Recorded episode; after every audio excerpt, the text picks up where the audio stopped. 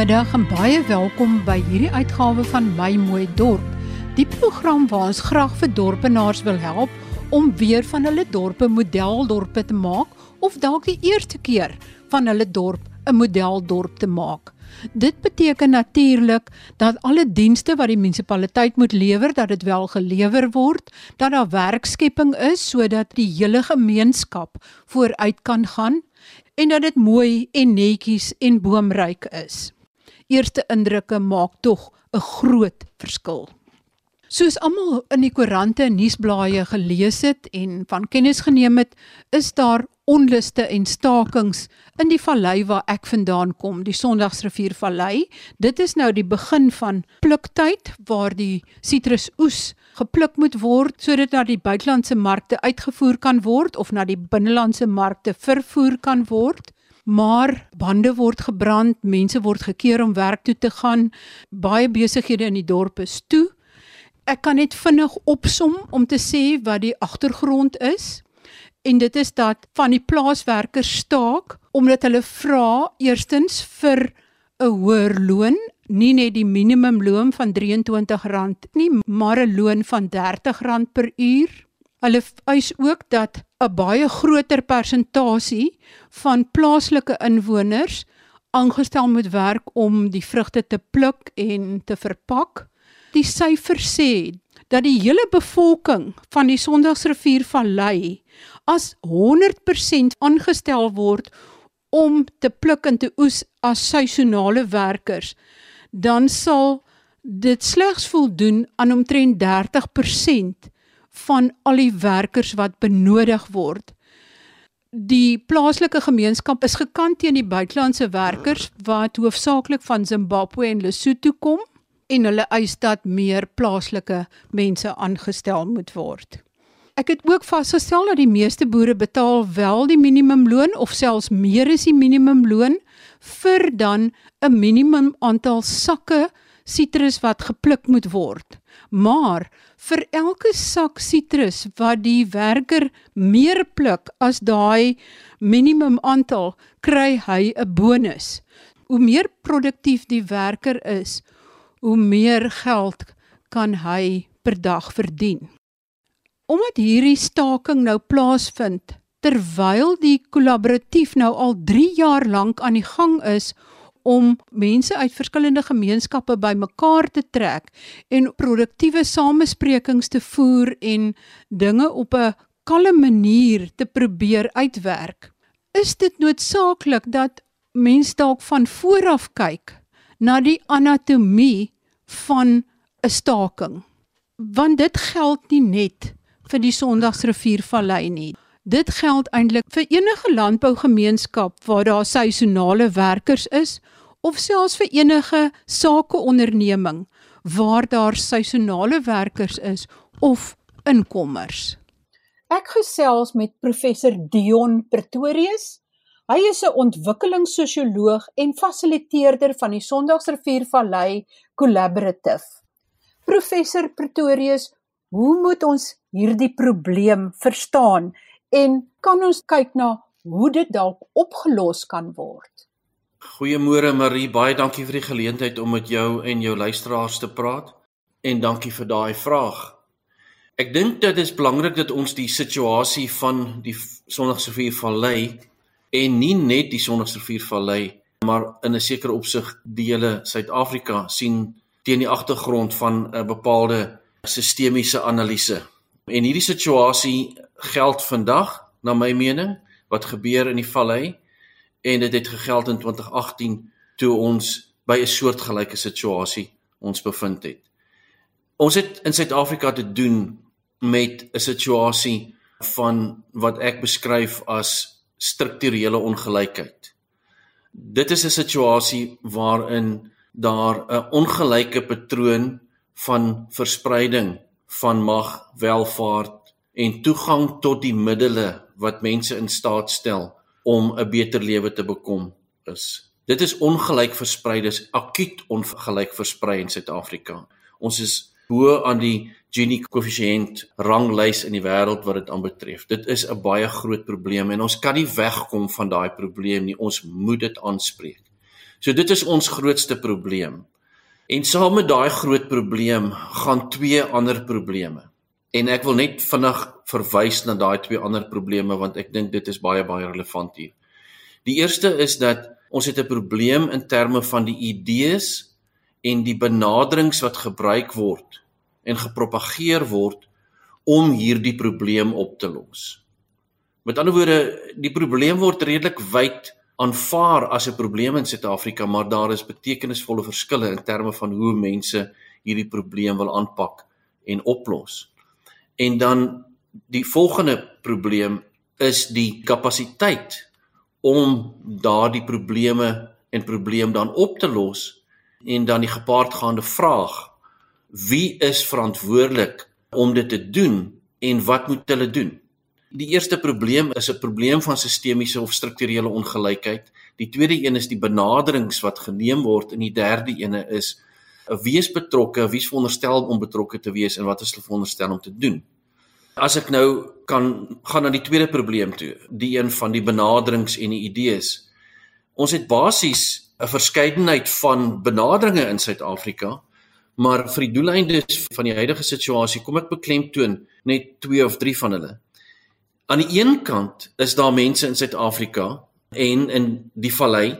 Ek dink daar's baie min van daai mense nou in in die vallei want mense begin agterkom hoe dringend die situasie is. Maar daar's nietemin mense wat sal wil sê dat die benadering wat gevolg moet word moet 'n soort van 'n 'n nie dringende hervormingsbenadering wees die Franse term is 'n laissez-faire benadering. Dis kom ons laat dinge maar gebeur op sy eie trant en hy gaan homself uitwerk en ons moenie te veel inmeng en probeer intervensies maak nie.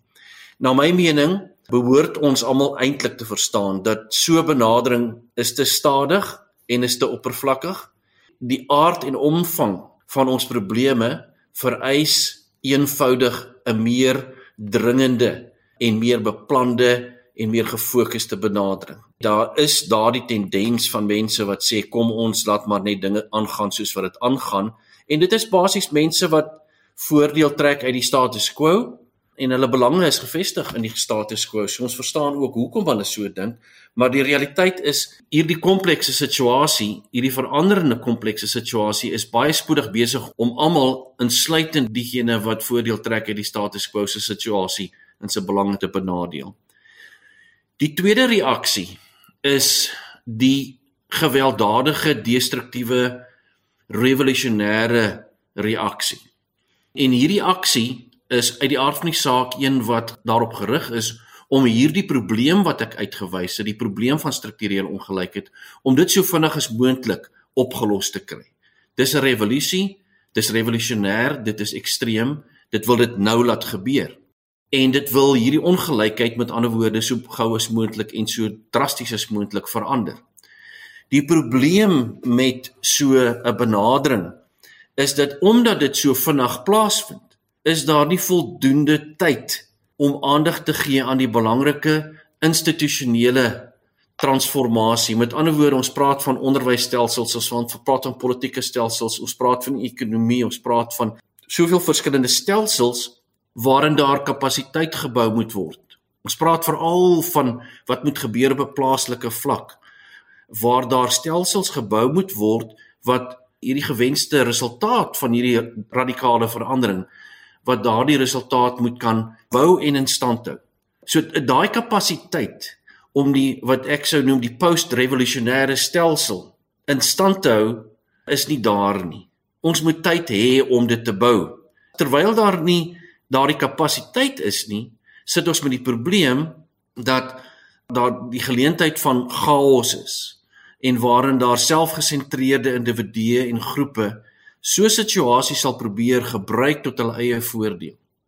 Internasionale navorsing wys dat die sukses van destruktiewe en gewelddadige protes is baie beperk dit trek aandag. Dit trek media aandag. Dit is sensasioneel, dit is dramaties en dit oefen druk uit op instellings en dit trek die aandag na die probleem toe. Maar ongelukkig een van die ander goed wat ook gebeur, 'n paar ander goed wat eintlik ook gebeur, is dat in die proses van so 'n revolusionêre veranderingsproses word daar ook skade aangerig aan die gemeenskappe wat veronderstel is om voordeel te trek uit so 'n veranderingsproses. So dis die een ding. Daar word op die oomblik word daar skade aangerig in die Sondagsrivier Vallei wat nie net skade is wat uit die oogpunt van die boere nie, maar dis die hele gemeenskap gaan ly daaronder. Daar gaan baie mense wees wat gaan werk verloor. Daar gaan baie skade aangerig word aan die sitrusekonomie, aan die hele Sondagsrivier Vallei ekonomie waarvan almal afhanklik is. Die tweede skade wat aangerig word is dit doen skade aan verhoudinge, die sosiale stelsel. Weereens in die in die Sondagsrivier Vallei het ons oor die afgelope 3 jaar ongelooflik goed vordering gemaak om verhoudinge tussen groepe wat in die verlede nie saamgewerk het met mekaar om daai verhoudinge te bou. Hierdie tipe van aksie lei daartoe dat daardie verhoudinge skipbreek lê. En laastens en waarskynlik die meer interessante gevolgtrekking waartoe mense kom as jy kyk na die internasionale navorsing is dat in die gemeenskappe wat veronderstel is om voordeel te trek uit hierdie destruktiewe prosesse in daardie gemeenskappe is daar aanvanklik ondersteuning, potensiële simpatie vir die aksie. Maar mettertyd verloor die aktiviste die steun vanuit hulle eie gemeenskappe omdat die gemeenskappe begin agterkom dat mm, ons is self ook die slagoffers van hierdie situasie. So die boodskap wat internasionale navorsing vir ons gee hiermee is aktiviste, diegene wat hierdie tipe van dramatiese veranderingsproses voorstaan, dink twee keer. En dit mag op die oog af lyk en op die kort termyn of daar steun is, maar op die lang termyn verloor jy hulle morele steun. As die aksies gepaard gaan met afbreek en is dit destruktief is en met geweld gepaard gaan, verloor dit sy morele steun uit eie gemeenskappe. En dis as ek praat van twee benaderings wat ongewens is, sê ek dat daar is 'n derde benadering en die derde benadering is samewerking vir ontwikkeling. En daai samewerking vir ontwikkeling moet dringend wees. Dit moet verstaan hoe dringend die Suid-Afrikaanse, die Sondagsrivier Vallei se situasie is. Dit moet beplan word, dit moet gefokus wees, maar meer as enigiets anders, die verskillende partye wat relevant is en betrokke is, moet saamwerk daaraan. Ons gebruik die woord collaborative in die vallei. Dit is hoekom ons praat van collaboration. Dit is moontlik. Ons het dit gesien. Ons sien die resultate daarvan. Ons is nie uniek in die wêreld nie. Die idee van multisektorale samewerking is 'n historiese suksesvolle verskynsel reg deur die wêreld. Hoekom sal ons anders wees in Suid-Afrika? Dis 'n paadjie wat ons moet loop en dis nie 'n paadjie waarin daar nie gaan hindernisse wees nie maar dis die enigste alternatief. So kom ek kom by die derde probleem. Die derde probleem is die een van onvoldoende aksie of onvoldoende kapasiteit om hierdie aksies te neem wat nodig is. In Suid-Afrika neem ons aan tot 'n groot mate dat die staat die primêre agent van ontwikkeling kan en moet wees. Die realiteit is dat die staat kan dit nie wees nie omdat sy kapasiteit te beperk is en ons sien dit reg deur Suid-Afrika op 'n plaaslike regeringsvlak. Die staat se kapasiteit om dit op sy eie te doen is eenvoudig te beperk. Ander sektore moet betrokke raak. Met ander woorde, die burgerlike samelewing of wat in Engels genoem word civil society, georganiseerde arbeid, georganiseerde besigheid en ander sektore moet betrokke raak saam met die plaaslike regering in 'n vennootskap weer eens ons kom terug na samewerking vir ontwikkeling en dit vat ons na die idee wat nou begin en die president het 'n rukkie gelede begin praat van 'n sosiale kompak, so social compact of 'n sosiale kontrak. Ek dink dis wat ons nodig het. Op 'n nasionale vlak ja, maar ek dink op 'n nasionale vlak is die aard van ons politiek is sodat dit gaan moeilik wees om daardie sosiale kontrak te implementeer van 'n sentrale hoë vlak. Ek dink die beste manier is om dit juis van onder af te doen, soos in die geval van 'n Sondagsrivier Vallei. Ons was besig om te beweeg in daai rigting waar die verskillende sektore deur middel van fasilitering begin praat oor verwagtinge wat hulle van mekaar het, die waarde wat hulle kan toevoeg tot so 'n plaaslike kontrak, die waardes wat hulle deel en hulle verskille, reëls vir optrede en dat hulle begin werk na 'n gemeenskaplike visie vir die toekoms. Ons was 'n paar ek wil sê 3 weke gelede op die drempel van om dit reg te kry in die Sonderse Viervallei. En nou sit ons met die situasie wat ons nou mee sit en dit vereis 'n volgende gesprek om uit te werk hoekom dit gebeur en wat in die spesifieke situasie gedoen kan word en wat nie.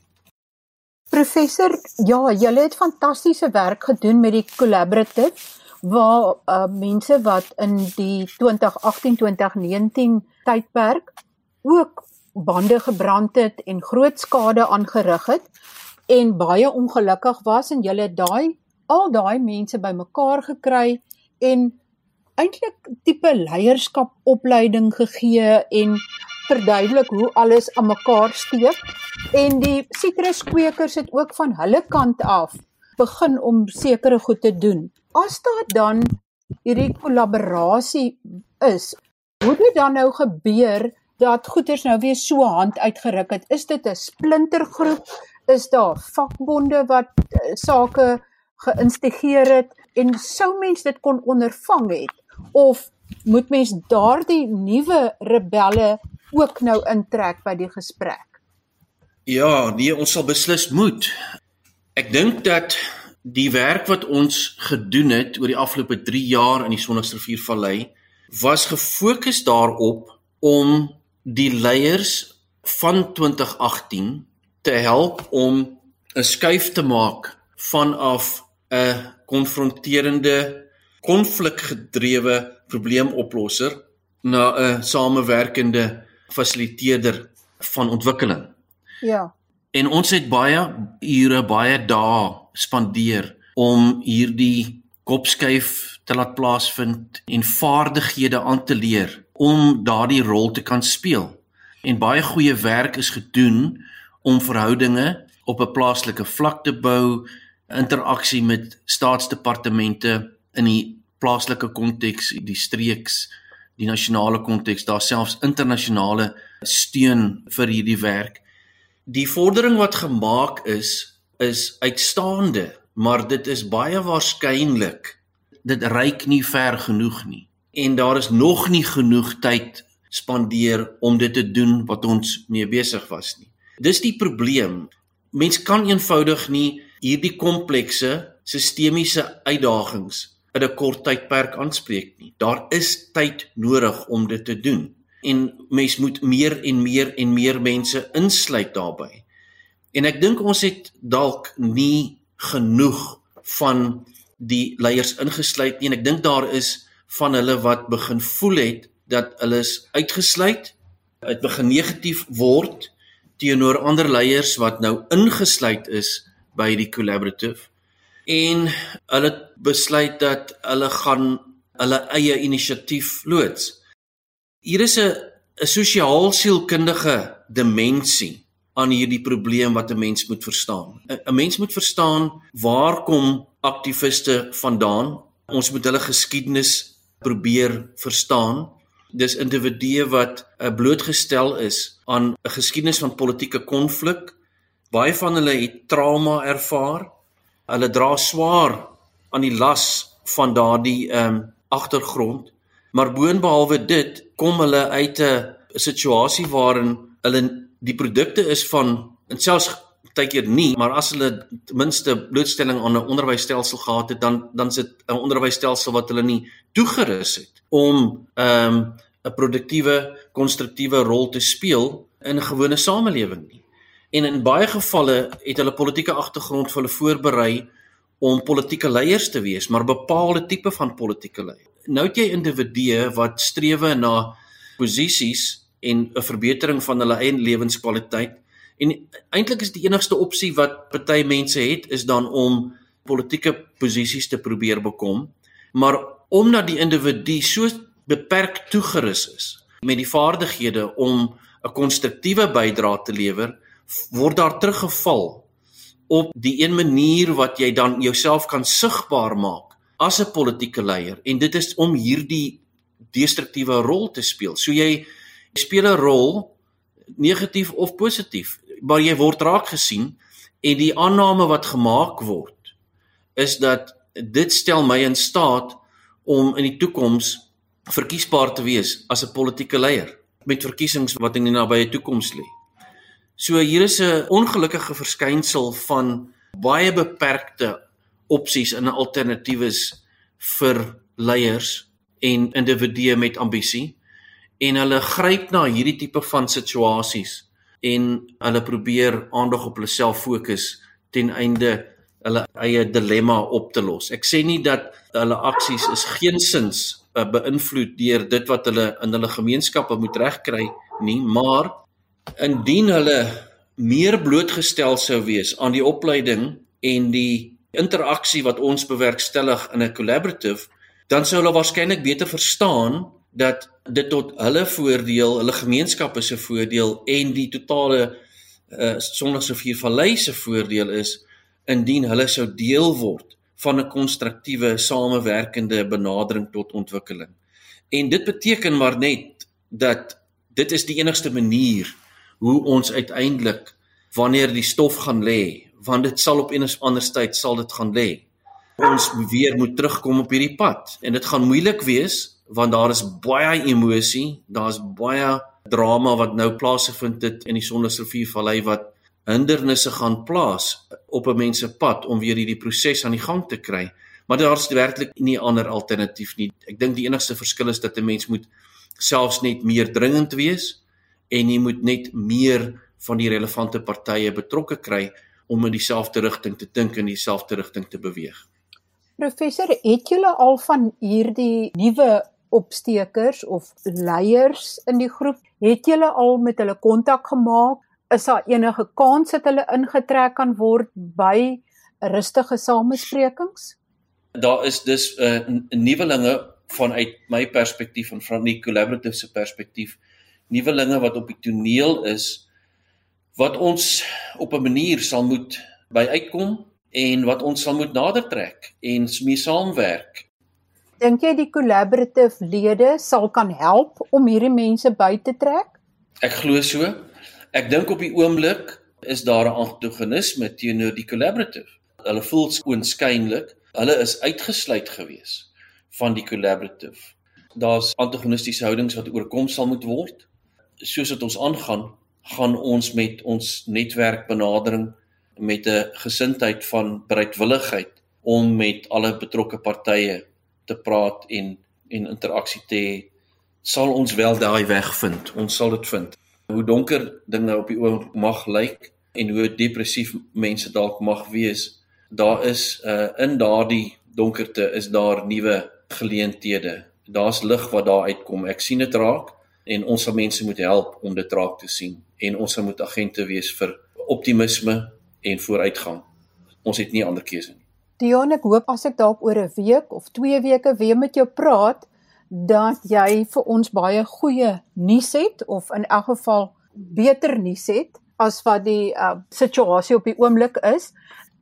Baie dankie aan professor Dion Pretorius, ontwikkelingssosioloog en fasiliteerder van die Sondagsriviervallei kollaboratief en ek gesels in die toekoms weer met hom En ons het vandag gekyk na die anatomie van 'n staking en die mense betrokke by 'n staking in 'n poging om te probeer antwoorde vind oor hoe mens na hierdie situasie kan kyk en dit dan kan begin ontlont. Ek hoop dit het ook insig gebring vir dinge wat dalk in jou omgewing gebeur en waar goeie begrip en insig nodig is om dinge te ontlont. Tot volgende week wanneer ons weer gesels oor dinge wat jou dorp raak. Groete van my, Marie Hudson.